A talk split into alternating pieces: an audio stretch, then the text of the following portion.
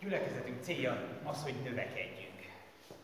Ez egy ilyen egyszerű mondat, és hát azért meg lehet azt mondani, hogy voltunk már többen Isten tiszteleten. Aztán azt is lehet mondani, hogy hát volt már komolyabb téma is egy Isten tiszteleten, mint hogy most, mint amit most hoztam. Volt, ami jobban megérintett már téged, mint amiről most fogunk beszélni. Mennyiség vagy minőség? Sokszor ez a kérdés. Sokszor én is be kell, hogy valljam magamnak, mert van ez a bűnös hajlam, hogy meglátok egy képet egy másik gyülekezetről, főleg mondjuk egyetemi gyülekezetről van szó, és így elkezdem számolni, hú, hányan voltak. Mint egy ilyen fokmérő lenne, hogy hú, ha sokan vagyunk, az jó. Ha sokan vagyunk, az jó.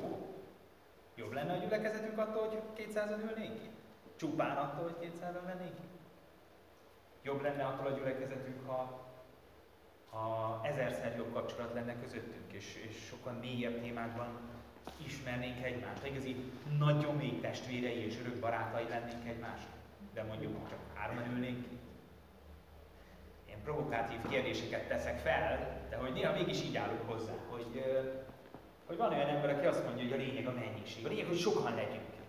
Az, hogy most mi, mi, mi is a téma, meg hogy, meg hogy miről van szó, meg mennyire megyünk mélyen, de az ne, a lényeg, hogy sokan vagyunk. Hát minél több, annál jobb.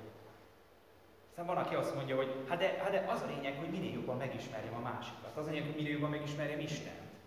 Az a lényeg, hogy mélyre tudjunk menni. Az, hogy sokan legyünk, nekem az nem fontos. Nekem az a lényeg, hogy, és a gyülekezet, az egyház is azért, hogy én jól érezzem magam menne. A másik oldal meg azt mondja, hogy hát de nem rólam szól, arról szól, hogy minél többen bejöjjenek. Nem az én kényelmem, a másik kényelme a lényeg. Az, hogy minél több ember be tudja kívni a közösségbe. És olyan nehéz látni, hogy az egyházak is, és a gyülekezetek is sokszor beleesnek ebbe a, a kettős, igazán dualisztikus gondolkodásba, hogy, hogy számoljuk, hogy hányan, vagy, hányan vagyunk, hány presbiter, hány egyháztal, hány résztvevő van. Ez az igazi fokmérő. A másik meg azt mondja, hogy az a lényeg, hogy hányan térnek meg. Az a lényeg, hogy ki az, aki hívő. Ki az, aki igazán keresztény, a kemény mag.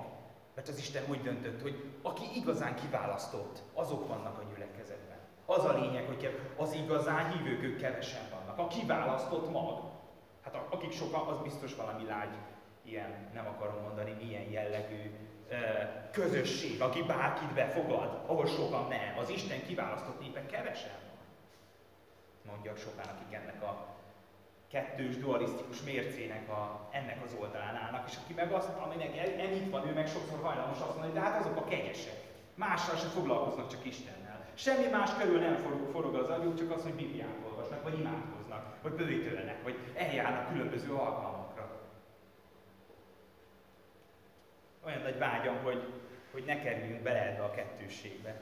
Olyan nagy vágyam, hogy meglássuk azt, hogy, hogy az Isten egy harmadik utat kínál, és az Isten sehol nem beszél arról, hogy a gyülekezetnek soknak kell lennie, arról sem beszél, hogy kevésnek. És arról sem beszél, hogy kifejezetten mélynek kellene lennie, de arról sem, hogy felszínesnek. Az Isten nem ebben a dualisztikus két végpont között működteti az egyházat.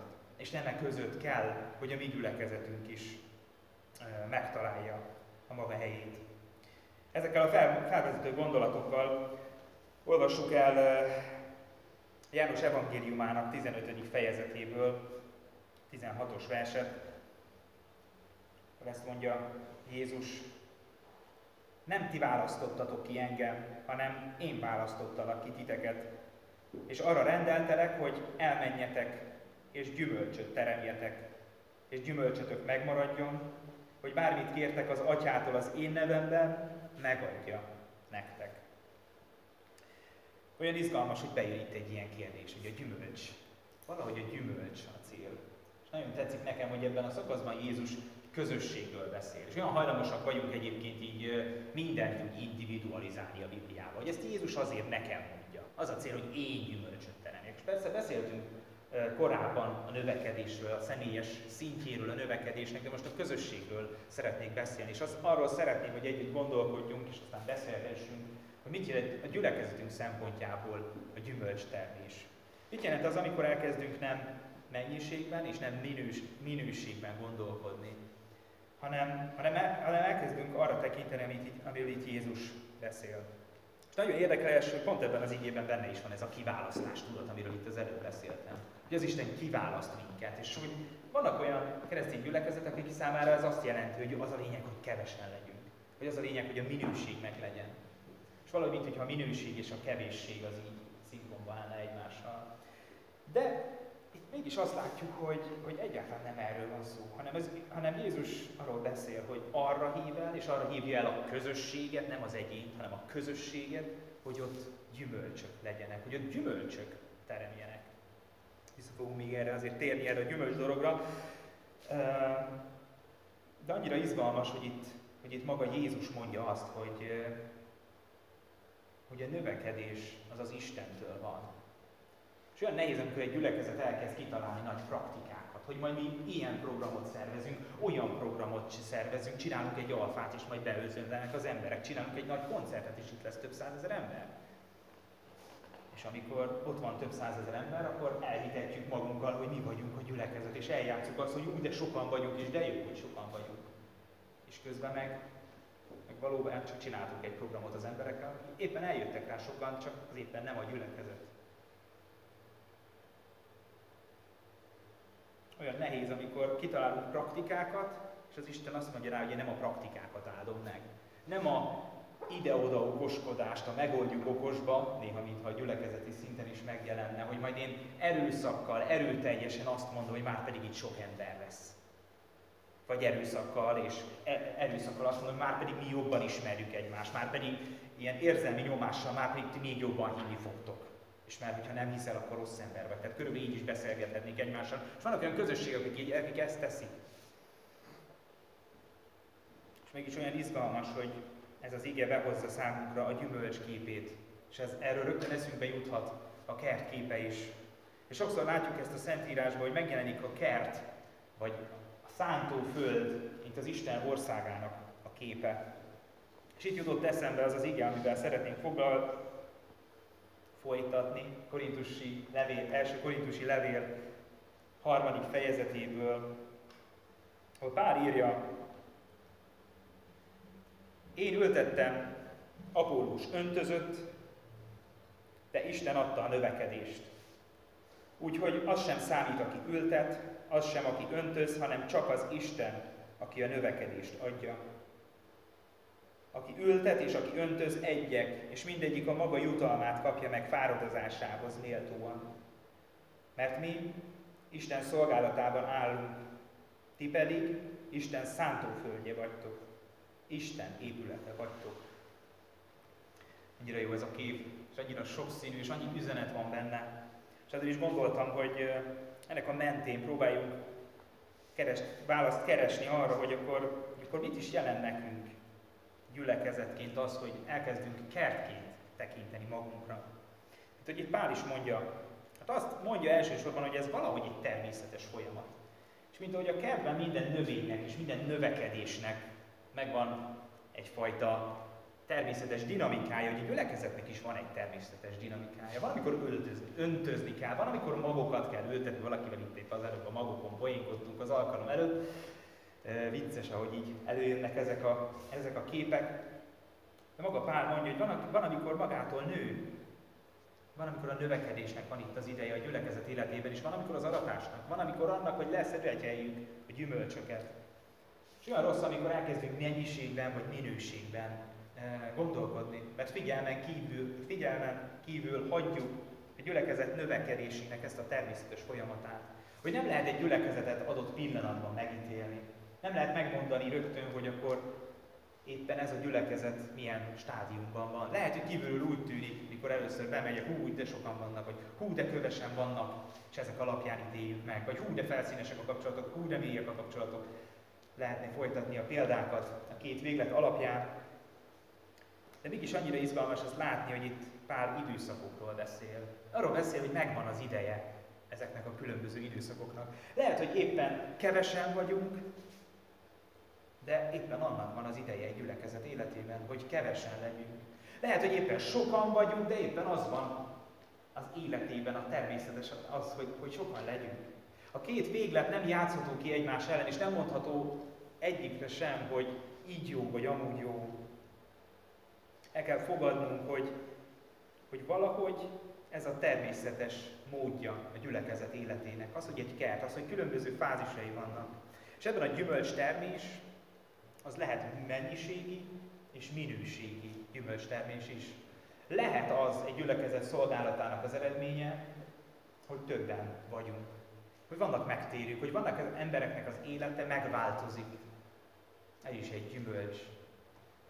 Vannak emberek, akiknek mélyül az élete, mélyül a hite, vannak megtérők, és minőségi változás történik az ember életében.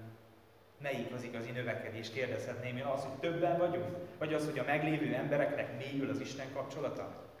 Úgyhogy nem lehet a kettőt kijátszani egymás ellen. Mind a kettő az Isten növekedésének, és az Isten, az Isten növekedés növesztéséről, és az Isten gyümölcséről szól.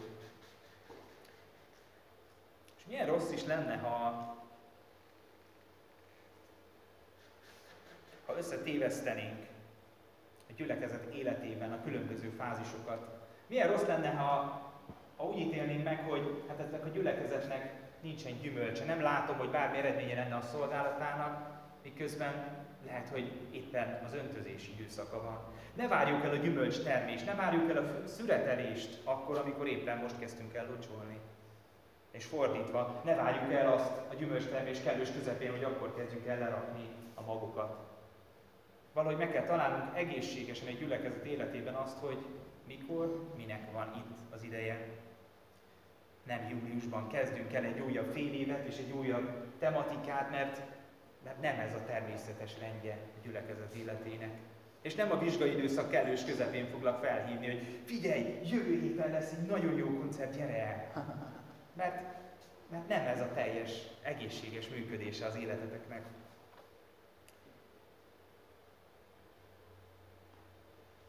Aztán ha tovább megyünk ezen a kertképen, ez a szántóföld kert, képen, akkor Pál alapján azt is elmondhatjuk, hát, hogy, hogy van kertész.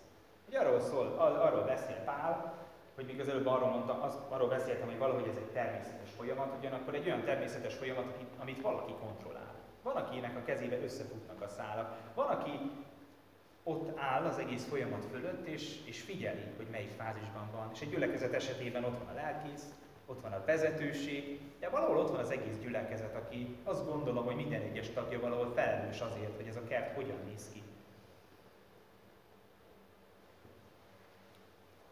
És azon kezdtem el gondolkodni, hogy ha már ez a mi dolgunk, ha már nekünk kell ültetni, akkor azt is el kell dönteni, hogy, hogy mi legyen benne. Valahol ez egy közösségi döntés, hogy milyen gyümölcsök fognak ebben a kertben növekedni. És ez valahol egy közös párbeszédet igényel, egy közös látást, amit sokat tesszük a vezetőséggel, a szolgálat vezetőket, hívjuk így a közösségben eh, vezetőknek, NNT-nek, nagyon-nagyon tagok, valahol már ránk ragadt ez a név az előző csapattól, már mi se tudjuk, kitalálta ki. Sokat imádkozunk és gondolkozunk együtt azon, hogy merre vezessük tovább a közösséget. És ezt közösen kell beszélni. Úgyhogy ha lesz rá lehetőség, válaszoljátok meg a kis csoportokban ezt a kérdést. Milyen gyümölcsöket szeretnék látni ebben a gyülekezetben? Merre szeretném én egyénileg ö, vezetni ezt a közösséget? Hol szeretném látni egy év múlva, öt év múlva? Mik azok a gyümölcsök, amire engem az Isten inspirál? Mi az a gyümölcs, amit én bele tudok rakni, amit én tudok segíteni, gondozni ebben a gyülekezetben? És aztán fordítva is lehet nézni, nem csak előre, nem hátra. Mi az, amit felismersz ebben a gyülekezetben, hogy gyümölcsként tapasztaltál? A saját életedben, vagy az egész gyülekezet életében. És hogy ne beszéljünk teljesen rébuszokban, nem mondjak rá példákat is. Vannak olyan gyümölcsök, ami, amit ö, egyébként tudatosan, másokat pedig ilyen, ahogy mondtam, természetesen kezdenek növekedni. Úgy alakult, hogy jött egy Covid, és online világba kényszerültünk, Zoomon tartottunk istentiszteleteket, és elvetettük azt a magot, hogy kezdjünk el beszélgetni az Isten igéjéről. És aztán valahogy természetesen felvetődött, hogy te Péter, ez így sokkal jobb. Mi lenne, ha mindig, minden alkalommal beszélgetnénk? Aztán picit ezt így visszafogtuk, koordináltuk, és akkor megegyeztünk egy ilyen váltott váltóba, hogy egyik héten kis csoportos beszélgetés, másik héten e, e, Isten, tehát hogy anélküli Isten tisztelet. De ez valahogy megszületett a közösségben. És egy olyan csapat vagyunk, akiben ez, ez gyümölcsként itt van, mint közösségben, hogy megéri az Isten dolgairól beszélgetni. Többet tanulok az Isten dolgairól való beszédről, mint, mint azt gondoltam volna korábban. korábban. És aztán ott van egy, ez egy olyan dolog volt, amit nem terveztünk. Nem gondoltuk azt két évvel ezelőtt, hogy lesz egy ilyen. Senki nem gondolta. És aztán mégis így alakult. És mégis egy olyan gyümölcs jött ki belőle, amit csak az Isten látott előre. És aztán például csak, hogy mondjuk egy olyan gyümölcsöt, ami, ami, ami ez a mi hozzájárulásunk is sokkal jobban kellett, amit meg kellett plántálni, amit öntözni kellett, amire készülni kellett. Például a zenekarunknak az élete és vezetése. Szeptemberben elkezdtük úgy, hogy kerestük, hogy na akkor ki fog játszani, hogy lesz az az hét, hogy kell játszani, hány dal szokás. Ki is szoktunk belőle 7-8 hónap alatt, hogy hogy szokás. Én is megkérdeztem első alkalommal, hogy hogy van a liturgia. És sok gyakorlás, sok erő, sok munka, belefektetett energia, megtervezett zenekari fellépések, és azt láttuk, hogy gyümölcse van. Azt láttuk, hogy el lehetett menni több helyre, ahol az Isten tudtuk dicsérni más emberekkel együtt. De lehet látni a zenekarban azt a változást és azt a gyümölcsöt, amit mi így közösen álmodtunk meg, és mi így közösen dolgoztunk meg érte. És aztán egy harmadik aspektus, amit elég nehéz személyes szintérre vinnem, mert a lelkipásztori titok valahogy ezt megtiltja, de mégis a, a személyességről szeretnék beszélni. Hogy azt látom az életeteken, hogy az Isten igéje formálja az életeteket. Gyümölcs van az életetekben. Halljátok az Isten igéjét, és, és az átformál titeket. Beszélgetünk róla, és az átformál titeket. És hány, és hány olyan bizonyságtételt hallottam róla tőletek az utóbbi időben, hogy hú Péter, az a beszélgetés nagyon jó volt. Köszönöm azt a gondolatot, 2019. március 2-én azon az Isten tiszteleten, van közöttetek olyan, aki így is tudja pontosan az Isten tiszteletek tematikáját, ezért kell vigyázni arra, hogy mikor mit mond az ember. Van, akinek ilyen szintű memóriája van. De az milyen jó volt, hogy akkor azt mondtad, mert akkor arra volt szükségem. De jó volt, hogy meg tudtam osztani egy bizonyságtételt, mert láttam a másikon, aki ott ült a csoportban, hogy ez most kellett neki. Annyi és annyi gyümölcs van a személyes életetekben, amit nem biztos, hogy felismertek. Mert az Isten az ilyen, hogy felnövesz bennünk állásokat, növényeket, gyümölcsöket. És aztán egyszer csak észreveszem, hogy már itt egy barack. És ezt így képletesen értsétek. Hol van a barack a ti életetekben? Hol van az az áldás, amit egyszer csak észreveszem, hogy hoppá, az Isten megáldott valamivel, amire rá se jöttem. Hú, rájöttem egy nagy Isten igazságra, és eddig fel se fedeztem, hogy hopp, ez itt van. Mert a, a növekedés, az igazi dzsungeles kert, az ilyen. Néha vannak elrúgott zugok. Nem is tudod, hogy ott van, és egyszer csak rátalálsz. van egy pászka kenyér a Bibliában. Hol, hol van a pászka kenyér a Bibliában? A Bibliában. Hogy hol van benne? Ja, hogy volt benne. Ne, nem értem a viccet. A páska bele? Ja, ja, ja, ja, jó, oké. Nem tudtam éppen, hogy megy. Igen. Na, szóval igen, ilyen jellegű gyümölcsök is vannak. Vicces dolgok, amik megtörténnek a közösségben, együtt nevetések, együtt beszélgetések az Isten tisztelet alatt, az ige hirdetés közben, amikor a lelkész nem tudja, hogy miről van szó. De, de azért gondoltam ezeket felhozni, hogy, hogy ne csak ilyen rébuszokba beszéljek gyümölcsterméstől, hanem hogy jobban tudjatok hozzá kapcsolódni. Hogy lássátok meg, hogy igen, van ennek egy személyes vetülete, de van egy közösségi vetülete. Ezekről beszélgessetek majd a csoportokban. De még nem fejezem be, nem ott tartunk, csak mondom, hogy, hogy ezek fontosak. Szóval arra szeretnék bátorítani titeket, hogy amikor a gyülekezetre gondoltok, akkor merjétek elfogadni ennek a, ezt a kettősségét. Hogy van benne olyan, ami magától jön, és természetesen alakul ki, és az Isten egyszer csak vannak, amikor az Isten hoz lehetőségeket. Van, amikor az ember hoz embereket. Van, amikor az ember ad olyan mély élményeket, amiket senki nem tud megtervezni. De vannak olyan része is a kertnek, amit, amit nekünk közösen kell megtervezni. Van egy nagyon jó keretrendszerünk, amit ebben a fél évben végignézhettünk, és újra és újra visszahallgathatjátok a különböző felületeinken. De azt gondolom, hogy amikor a gyülekezetről beszélünk, és akkor arról, hogy mit jelent növekedni, akkor ezt mindenféleképpen zárjátok a szíve, szívetekbe, hogy egyszerre része magától való növekedés, és egyszerre az, hogy mi is meg kell, hogy tervezzük ezt a kertet közösen. És aztán beszéltem már kicsit a munkáról. Az, hogy a kerttel való foglalkozás, nem tudom, kinek van otthon kertje? Ki szokott kertészkedni otthon? Na, na, csapat. Harmada legalább. Akkor a csapat harmada tudja, miről beszélek. A többieknek mondom, én egyébként nem tudom, mit, miről beszélek, mert nincs kertem otthon. Szóval a kerten rengeteg munka van.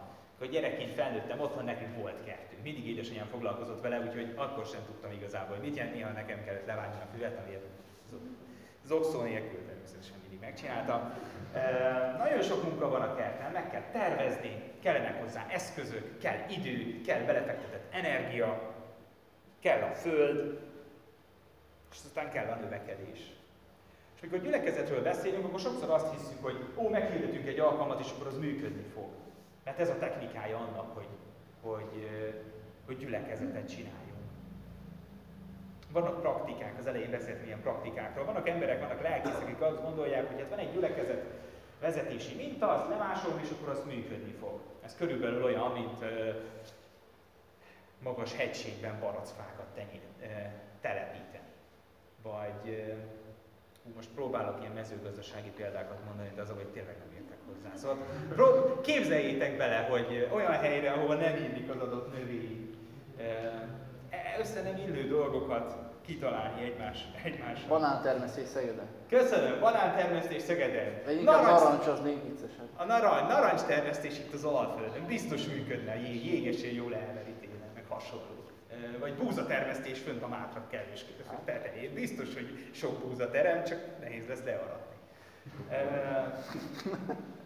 Elég nehéz, igen, megy a kombány. De ez Nem nagyon fontos. Mert mikor gyülekezetről beszélünk, akkor egy jó kertésznek ismernie kell a földet. Milyen az a föld, ami, ami nő, ami ő, ő ott van? Milyen az a föld, ami mi, mi gyülekezet itt vagyunk? Milyenek a szegedi egyetemisták? Milyen a szegedi egyetem? Milyen a szegedi ember? Jó kis Balkán. Mert igazán hangulatos, a délvidéki, ha szabad így mondani, az anyaországhoz képest a délen vagyunk. Van benne egy hatalmas energia, megváltoztatjuk a világot. Mi igazán baloldaliak vagyunk. Mi igazán uh, itt vagyunk a végeken. Mi túléltünk egy, egy áradást. Mi túléltünk egy áradást, és felépítettük az egész várost. Újra. Ezt senki nem csinálta meg az egész országban. Van a Szegeden egy ilyen büszkeség, nem tudom, hogy ti érzitek, én, ezt éreztem, mikor legelőször idejöttem. Egy ilyen hatalmas dac és harcolni akarás a szegedi emberben, ami sehol máshol nincs meg a világon. Mit jelent ez a gyülekezetünknek?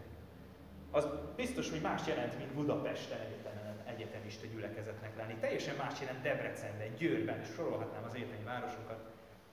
Ismerjük a saját földünket, tudatosítjuk, hogy milyen az a föld, amiben a gyülekezetünk benne van.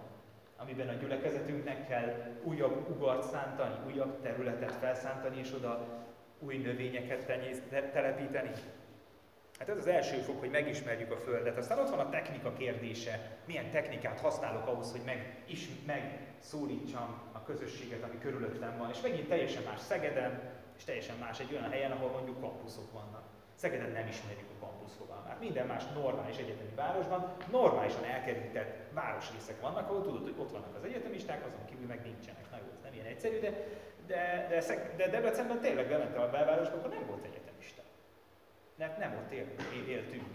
Én, én sem, pedig nekem az egyetemem a belvárosban volt. De még akkor se ott éltem, mert hazamentem kintre a kollégiumba, ami megint csak a külvárosban volt. Mit jelent? Milyen, milyen speciális adottságokat ad Szegednek az a helyzet, amiben van a Szegedi Egyetem? Ahhoz, hogy meg tudjuk válaszolni ezeket a kérdéseket, az segít nekünk abban, hogy, hogy milyen technikákra, milyen eszközökre van szükség ahhoz, hogy megműveljük a gyülekezetünk nagy kertjét. És ez aztán egy harmadik pont, a kertész hűsége. Mi nekünk, mint gyülekezet, nekünk, mint gyülekezet vezetők, nekem, mint lelkész, meg kell azt látnom, hogy nagyon fontos, hogy belerakjam az én hűségemet, belerakjam az én munkámat.